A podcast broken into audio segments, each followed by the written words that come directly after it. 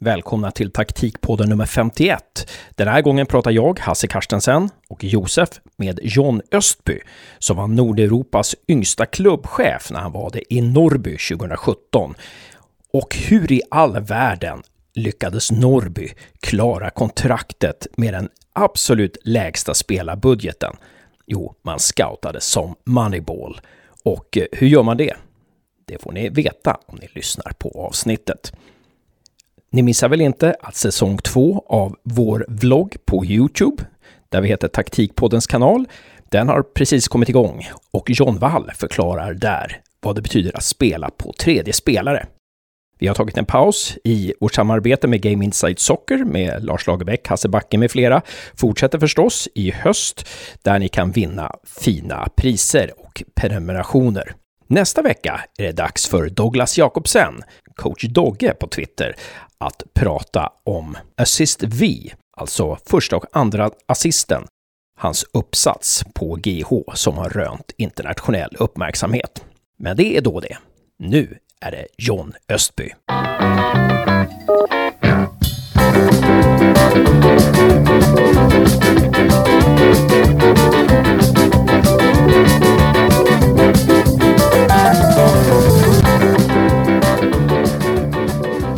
Välkommen till Taktikpodden, John Östby. Tack så jättemycket. Vad roligt att du vill vara med. Det är fantastiskt spännande här att prata med Nordeuropas yngsta klubbdirektör då det begav sig. Och vi ska prata småklubb och scouting framför allt. Innan vi fortsätter med dig John, välkommen också Josef. Tack så mycket. Ja, om man ska göra en presentation av dig då John. Målvakt, spelade i Norrby, la av med fotbollen, blev en del av Norrby IFs styrelse, blev sedan klubbchef och eh, har varit med och drivit en podd om IF Elfsborg och jobbar nu med annat än fotboll. Vad säger du om den presentationen? Vill du lägga till någonting eller dra ifrån? Nej, den är väl klockren, eh, tycker jag. Josef, vad, vad, vad, är det du tycker är intressant med John här? Vilken ända ska vi börja i, tycker du? Det jag tyckte var intressant med John var ju främst att han var med i Norrby när de gick upp och höll sig kvar i Superettan med väldigt, väldigt minimala resurser eh, ekonomiskt. Då. John hade, han var den bäst ansedda scouten i Sverige på FM 16 om jag inte har fel. Shit alltså. Varje gång man startade upp ett nytt spår så försökte man alltid ta honom till sin klubb. För han, han brukar alltid hamna som sportchef i GIF Sundsvall. Eller, och han hade väldigt bra attributer. Och det är nog delvis därför jag kommer ihåg han så väl. Men alltså Ola Lidmark Eriksson och eh, Jocke Plogell som har eh, Playmaker AI som gör Fotbollslabbet. Mm. De, de börjar ju med att spela eh, Football Manager. Det var liksom mm. så de började. Och sen så, ja. Det är lite så Moneyball-konceptet som nu då Ola Lidmark kör på. Och, det, ja. och någonstans tror jag att det kommer komma in mer och mer i, i svensk fotboll också. Men det är väl lite samma koncept ni körde? Egentligen. Vi körde det, absolut. Leta färdigheter istället för färdiga spelare. Ja. Om ni tittar på det, nu spelar ju Kadir, han spelar i Dalkurd nu, men när du kollar på en Dalkurdsmatch, där Kadir är jättebra, så kommer han vara bäst på plan, tycker ni. Men han kommer också ha släppt in två mål på sin kant. Precis. Så då får man det... värdera, okej, okay, vad får man framåt kontra vad får man bakåt? Det är inte Hodzic? Jo, Kadir Hodzic. Ja, Kadir Hodzic. Det är, väl därför, det är väl därför vi tog kontakt med honom. Vart vi ska börja lämnar jag ändå över till dig, Hasse. Ja, men ska vi börja i den här ändan då? Alltså det är ju näst, närmast sensationellt att Norrby klarar sig kvar under sitt första år i Superettan och sen har legat där i ytterligare tre ytterligare två år. Man gör sin fjärde raka säsong i Superettan i svensk elitfotboll. Kan man lägga, frilägga någon nyckel där som gjorde att Norrby för det första tog sig upp i Superettan med de här små resurserna? Hur tänkte ni ja, när det gällde spelare i spelartruppen? Vilka skulle ni ha? Och så. så som vi såg det, så, eh, så som vi såg det, vi hade inget val, vi hade 1,2 miljoner att jobba med, så behövde vi fylla på platser med egenskaper istället för med spelare. Om du tänker att, att du har, vi har en väldigt offensiv eh, vänsterback, säger vi, som vi också hade då i, i Kadir, så behöver vi någon som har en lika stor arbetskapacitet på vänsterkanten som kan täcka upp för honom. Och vi hade Adam Ståhl, fantastisk arbetskapacitet, inte så jättebra på allting annat eh, där och då. Men, men vi visste att nej, men där, där får vi tillbaka någonting om vi, om vi spelar honom. Sen har vi den som är egentligen mest sensationell i, i truppen. Det är en mittback som vid denna tidpunkten var 28-27. Som kom från division 4. För vi behövde någon som kunde nicka i backlinjen. Eh, för vi hade Meddi Dresevic som är eh, fantastiskt bra med bollen på fötterna. Men han, eh, är också, han var också en säkerhetsrisk eh, i vissa lägen. Och då behövde vi någon som bara kunde stabilisera upp allting. Så då plockade vi in en mittback från division 4 som heter Kristoffer Strömberg. Som eh, troligtvis är bland de bästa värvningarna som gjorts i division 1. Skulle jag säga. Mm. Mm. Just för att det är liksom navet i det spelet som Simon ville spela. Han fick sin stabila köttar mittback. Eh, och jag kommer ihåg hans första match. Det var mot Örgryte i en träningsmatch i prem alltså inför premiären. Då förlorade vi med 4-2 och jag tror Kristoffer var inblandad i alla fyra baklängesmål. Men eh, Utsikten eh, borta var match nummer ett. Då var han helt dominant istället. Så att det gäller att hitta, hitta spelare som, som passar det sättet som man vill spela. Och kanske inte hitta de här kompletta spelarna som, som jag skulle säga de flesta klubbarna letar efter. Att du ska ha någon som är snabb, teknisk och bra skott. Ja, men räcker det om han är snabb och teknisk och han blir ett konstant hot hur hittar ni de här spelarna då? Eh, för exempel, det är inte så att en vanlig tränare eller klubb har koll på division, division 4 av det vi har fått lära oss. Utan scouting är rätt ovanligt. Jo, men Norrby IF är en väldigt speciell klubb.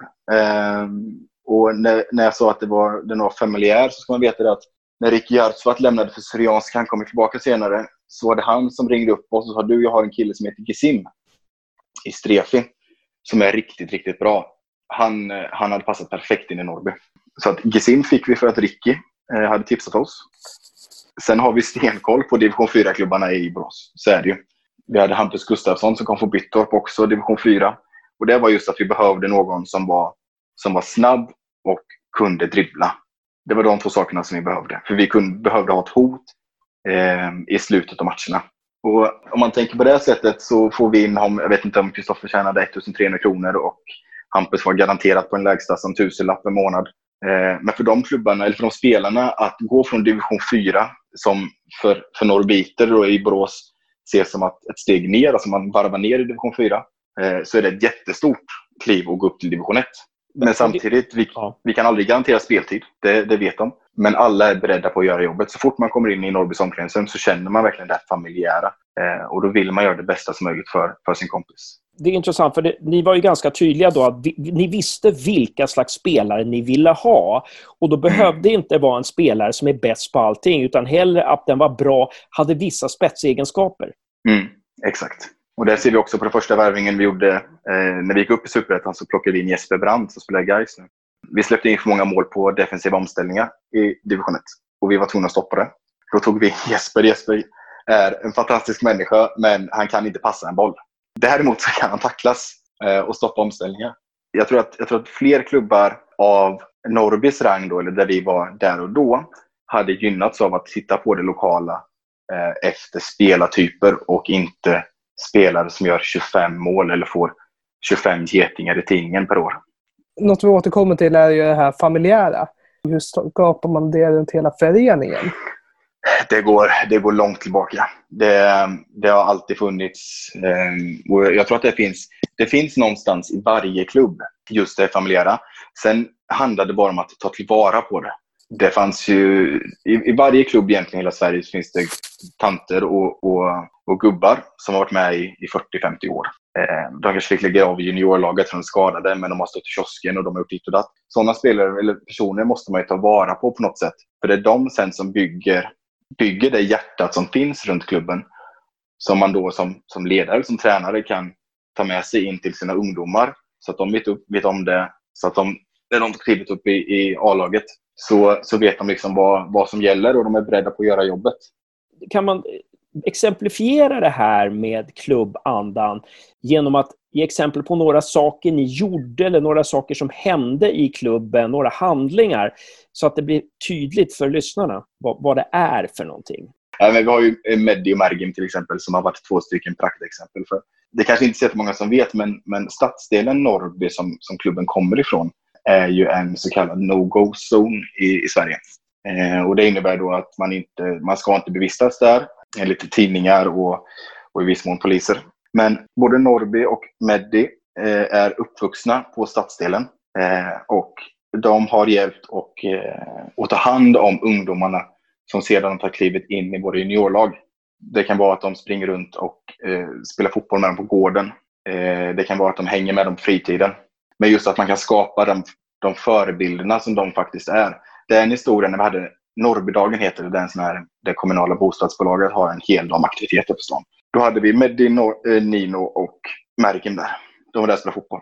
Sen kom Elfsborg dit. Och de kom dit med Lasse Svensson, Lasse Nilsson, eh, Viktor Claesson och Niklas Hult. Och då säger Meddi, kolla här John. Så, så pekar han på sig själv och så frågar han, vad heter jag? Och så säger barnen, du heter Meddi. Så pekar de på Viktor Claesson där borta. Och så vad heter han? Och då säger alla barn, nej, jag har inte en aning.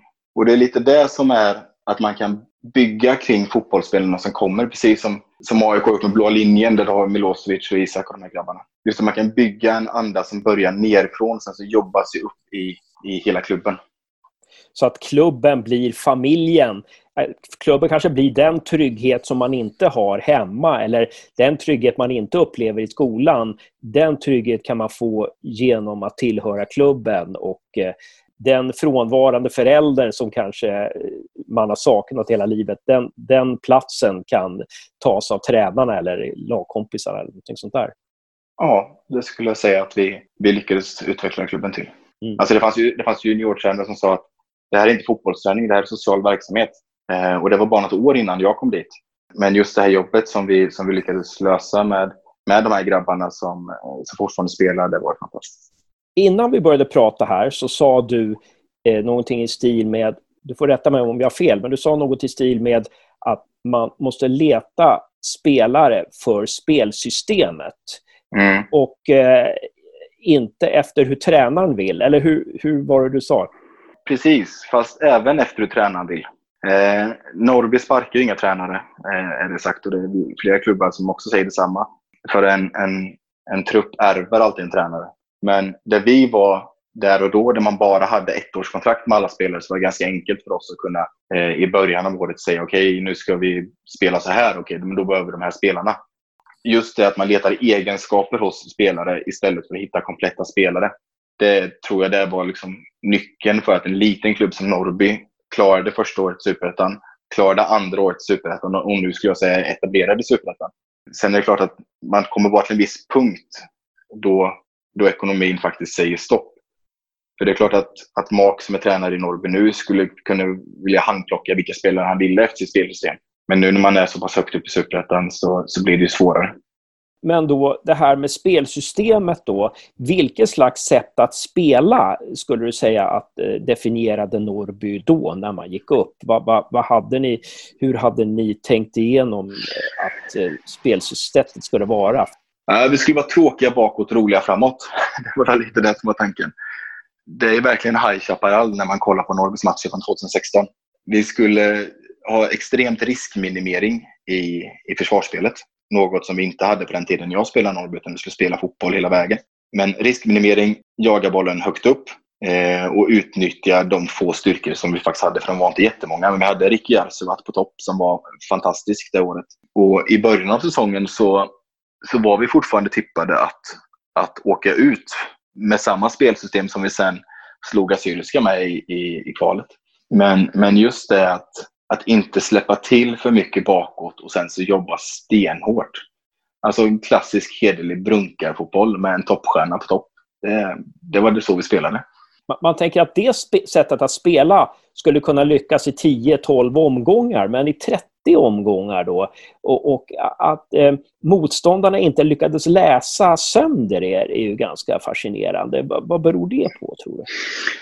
Eh, ja, men det var just det att vi hade, vi hade två spelare längst upp som eh, det var Marcus Översjö och, och Ricky Järvsvart som skiljer sig väldigt mycket åt. För när vi kom i lägen där vi inte kom längre, så att säga, och det händer i alla matcher med alla lag, så kunde Mackan droppa ner ett steg och bli som mittfältare. Och på så sätt så fick vi tyngd bakifrån. Och ju fler matcher vi vinner, ju räddare blir motståndarna. Så är det alltid det är ett psykologiskt spel i fotboll. Mm. När vi kunde bygga på mer tyngd bakifrån, då kunde vi också lyfta upp laget och på så sätt komma högre upp i banan. Eh, sen ska man säga att vi hade tur i många matcher där vi gör sena mål och, och eh, vi har ju matcher där vi, där vi helt chokar, som Öster hemma till exempel. Som var en match som man aldrig kommer glömma på, på det sättet som vi förlorade den matchen. Eh, men jag tror, jag tror att, att vi var så säkra i, i varandra och Simon var bombsäker på att, att de spelarna som han hade, de gav allt för Simon. Och det, det är många som säger, så jag tror att du kan ringa till Ricky idag och fråga, fråga liksom vad det var som gjorde det. Och han kommer alltid säga Simon. Att han fick alla, alla ville kriga för, för det blåa hjärtat som, som de fick under säsongen. Vad var Simon gjorde så unikt? Han är den gamla skolans tränare skulle jag säga. Han är inte den som sätter sig in i massa taktik och hur, hur eh, man ska revolutionera fotbollen på något sätt. Men han är väldigt, väldigt duktig på att få ut det mesta ur varje spelare. Och om du har spelare som går back på att spela fotboll i division 1, men som ändå tar klivet upp i superettan, då har du på något sätt lyckats med, med din filosofi och lyckats få dem att förstå vad, eh, vad som krävs för att man ska lyckas. Och när vi pratar om Simon så är det Simon Eriksson, jag antar jag, som... Ja, precis. Just det. Men också det här med scoutingen då, som du sa att ni hade ganska bra koll på division 4 och så, vilka ni skulle hämta och så. Eh, har du något tips till mindre klubbar hur man scoutar? Ja, det första man ska, ska eller tänka på när man, när man scoutar från mindre klubbar, om man själv är en mindre klubb med kanske inte så stora medel, eh, det är ju alltså mjuka värden. Det, det är A och O. Men det går inte att ha mjuka värden i ett omklädningsrum där du har två stycken som är eh, över alla andra. Utan ska du jobba med mjuka värden så måste du göra som vi gjorde. Du måste ha ett lag där alla, alla är på ett plan. Och just det att man inte letar efter den kompletta spelaren. Utan behöver en spelare som nickar, ja, men gå ner till division 6 och hitta en spelare som är bra på att nicka. Hitta inte en spelare som är bra på att nicka och kan passa en fotboll. För att det är inte det du söker, utan du söker en spelare som, eh, som kan vinna nickdueller. Det är liksom det tydligaste exemplet jag kan ge. Jag tänker också på det du sa inför, eh, inför att vi skulle börja prata också, att svenska klubbar avskyr scouting. Men skulle du kunna utveckla det och varför ni gjorde det så unikt? I och med att om man har vetskapen om att svenska klubbar avskyr scouting och ni, måste, och ni uppenbarligen gjorde det. Ska du få en spelare till att spela fotboll för 1000 kronor i månaden när man har bensinkostnader till och från arenan på 400 så är det inte bara, bara för oss att plocka en kille från Göteborg, eller från Halmstad eller från Jönköping eller vart som helst. Utan Eh, vi får ju liksom jobba i närområdet. Och, och då måste du verkligen vara noga med det som, det som du, du har runt omkring dig. Så att Norrby har alltid varit vana med att se vad som finns runt omkring i de mindre klubbarna i stan. För det är där man kan hitta de här guldkornen. Och, och har du en tränare som, som du vet kan bearbeta dem på det sättet som Simon gjorde, ja, men då behöver du inte punga upp en massa pengar för att få en spelare, utan du ska hitta en spelare som älskar att spela fotboll och som ser det som en möjlighet att få spela i division 1. Jag vet att Skövde också är jätteduktiga på, eh, på det och jobbar i Skara-regionen där uppe. Med att hitta spelare som är lokala, som vill representera Skövde för att senare ta steget ut i, i, i Allsvenskan och Superettan. Eh, jag har två frågor här. Jag tyckte det var superspännande det där du sa att svenska klubbar hatar scouting, som vi pratade eh, med Josef om. Men en fråga först då. Alltså, men hur rent praktiskt scoutade ni? Jag menar, hitta spelare i division 6, division 4 och sådär. Eh, åkte ni ut till eh, och tittade på dem både hemma och borta? Filmade ni dem? Och, ja, hur hittade ni dem? Liksom? Hur, hur såg ni att de var rätt? Kollade på mycket matcher. Eh, jättemycket matcher. Eh, live i de lägre divisionerna. Sen har ju eh, David Kryssman har ett enormt kontaktnät när det kommer till vänner, eh, agenter och så dylikt. Och sen hade vi en agent som vi jobbade lite med och som vi ställde lite frågor till oss här. Eh, framförallt till att titta på matcher runt om i närområdet oavsett om det är division 2, 3 eller 4. För ska du lita på att en, en agent ger dig en spelare, då måste du vara helt säker på att den agenten är på riktigt. Och hur många var ni då som åkte runt och kollade på matcher? Två. Mm. Tre med Simon. Tre med Simon. Hur många matcher tror ni att ni såg sammanlagt under ett år för, för, i, i scoutingsyfte? Mellan tummen och pekfingret? Oj, alltså David såg på hur många matcher som helst. Säg att jag såg på en 30 matcher kanske. Och så David kanske på det dubbla och Simon också det dubbla. Så 150 matcher ungefär per år på tre personer. Det är ganska bra jobbat. Ja, men de ser otroligt mycket fotboll bägge två. Och, och sen till den här andra frågan då, som du och Josef hade pratat om innan. Att svenska klubbar hatar, hatar scouting. Alltså, vad, vad, är det, vad, vad, finns det bakom de orden? Vad är det du baserar det på? Vi har ju ett, ett Stockholmssyndrom som jag brukar kalla det. Där det alltid finns en uppstickarklubb i Superettan från Stockholm. Men det är alltid samma spelare som spelar i klubben. Och det är ju att man tänker okej okay, den här spelaren är bra. Han har spelat i Superettan innan. Nej, men då tar vi honom bara för att göra det enkelt. Men troligtvis har du hittat en kille som, som kanske inte lika bra på allt, men som hade gett 100% mer på fotbollsplan. Och jag, det är lite eh, Superettan som Allsvenskan. Det finns vissa spelare som man känner igen som har spelat i Allsvenskan i, i 15 år, men aldrig lika, riktigt lyckats. Men de sitter ändå på löner på 70 000 kronor för att de har gjort någonting någon gång i Allsvenskan. Samma sak i Superettan. Och det är just det jag menar med att svenska klubbar hatar scouter, för att det är många som gör det lätt för sig. Istället för att då kanske ge, ge chansen till, till någon från division 1 där det finns fantastiska spelare. Eh, eller till och med division 2. Men de är inte beredda på att göra jobbet alltid. Klubbarna alltså. Och det där kan man ju se på till exempel Gustav Ludvigsson som gick från Örgryte nu till, till Hammarby. Eh, och många säger oj vilken, vilken talang han har, han gör sån skillnad. Men det, det, det, man, det man ser med honom det är att han jobbar hårdast av alla i Hammarby. Det är därför det händer så mycket kring honom. För han, jobb, han ger sig aldrig. Han springer och springer på allt. Liksom. Och Då ska man också veta att Gustav eh, Ludvigsson han fick sparken från ÖIS först och gick till Sävedalen i division 2. Och jag kan säga att han sprang minst lika mycket i division 2 som han gör i Hammarby. Det är intressant. Väldigt intressant. Mm. Eh, vem var det som lyfte upp på honom till ÖIS då? Borde varit Askebrand, va? Det var det nog, va? Askebrand var det nog. Eh, Askebrand har vi pratat med i podden. Han, han säger ju att framförallt är Gustav Ludvigsson en sån fin människa det understryker det här med vikten av mjuka värden som du också har pratat om. Uh, ja, då har jag en sista fråga. Om du skulle kunna gå tillbaka tio år i tiden och ta med dig någonting du vet nu till då, vad hade det varit? Inom fotboll? Att inte stressa någonting, utan avvakta eh, och se utvecklingen. Det skulle jag ta med mig. Och det har jag faktiskt en, en historia om, eh, om jag hinner ta den här nu. Ja, kör det. Ja, gud ja. Det finns en kille i Norrby som heter Abdelrahman Saidi, eller Abdo Saidi, som nu är cementerad i A-laget och är, är, är, fantastiskt duktig. Han kom till Norrbys U17 för, ja, det blev fyra år sedan. Då. Han fick sparken från Elfsborg för de tyckte han hade för dålig spelförståelse. Så kommer han till Norrby med U17 på vintern. Flyttas ganska snabbt ut till U19 och gör halva säsongen U19. Och sen så säger Tommy Pedersen som akademichef att den här killen, ni måste testa honom i A-laget för han, han kommer att bli någonting. Så vi, vi tar med Abdo på en träning på vintern där innan superettan-säsongen och han är helt outstanding. Så vi pratar med honom, men hur kommer det sig att du inte lyckas i Elfsborg? För nu har du gått från U17 i Norrby till superettan liksom på ett år. Och då säger han att nej, när jag spelade i Elfsborg så hade jag inte lärt mig att använda linser. Så jag spelade utan linser. Men under året här så har jag lärt mig att använda linser. Så då ser jag vad jag gör på plan. Och det tycker jag är en ganska fascinerande historia hur en klubb som ska ha en femstjärnig akademi inte kan veta om att sin spelare inte spelar med linser på planen. Otroligt alltså. Otroligt. Där handlar det om att inte stressa fram någonting men också om att lära känna sina spelare på djupet. Ja, precis. Vi kanske tar en sista fråga då om John hinner. Jag kom på en annan här, men jag har inte sagt någonting om Elfsborg. Och du har ju varit med och gjort en podd eh, tidigare, eh, en Elfsborgspodd. Alltså om, om du skulle prata om Elfsborg i år eh, gentemot förra året. Nu går det ju väldigt bra. Vad är det som har hänt där, tror du? Sivert Hettle Nilsen. Det är A och O i Elfsborgs eh, eh, spel. De fick in en, en pådrivare som har saknats sen Henning Hauge försvann, eller sen Anders Svensson försvann egentligen på mitten som, som tar ett ansvar. För det är inte så att alltså Jimmy Tillin är en fantastiskt duktig tränare. Och det har han varit ända sedan J tiden fast han har fått mycket skit. Och där ska man också veta att, att det är egentligen tur att Elfsborgs ekonomiska situation är som den är, att de inte har råd att sparka Jimmy. Hade de haft råd att sparka Jimmy så tror inte jag att han hade varit kvar. Men nu har Jimmy fått tid och han har kunnat bygga sitt lag.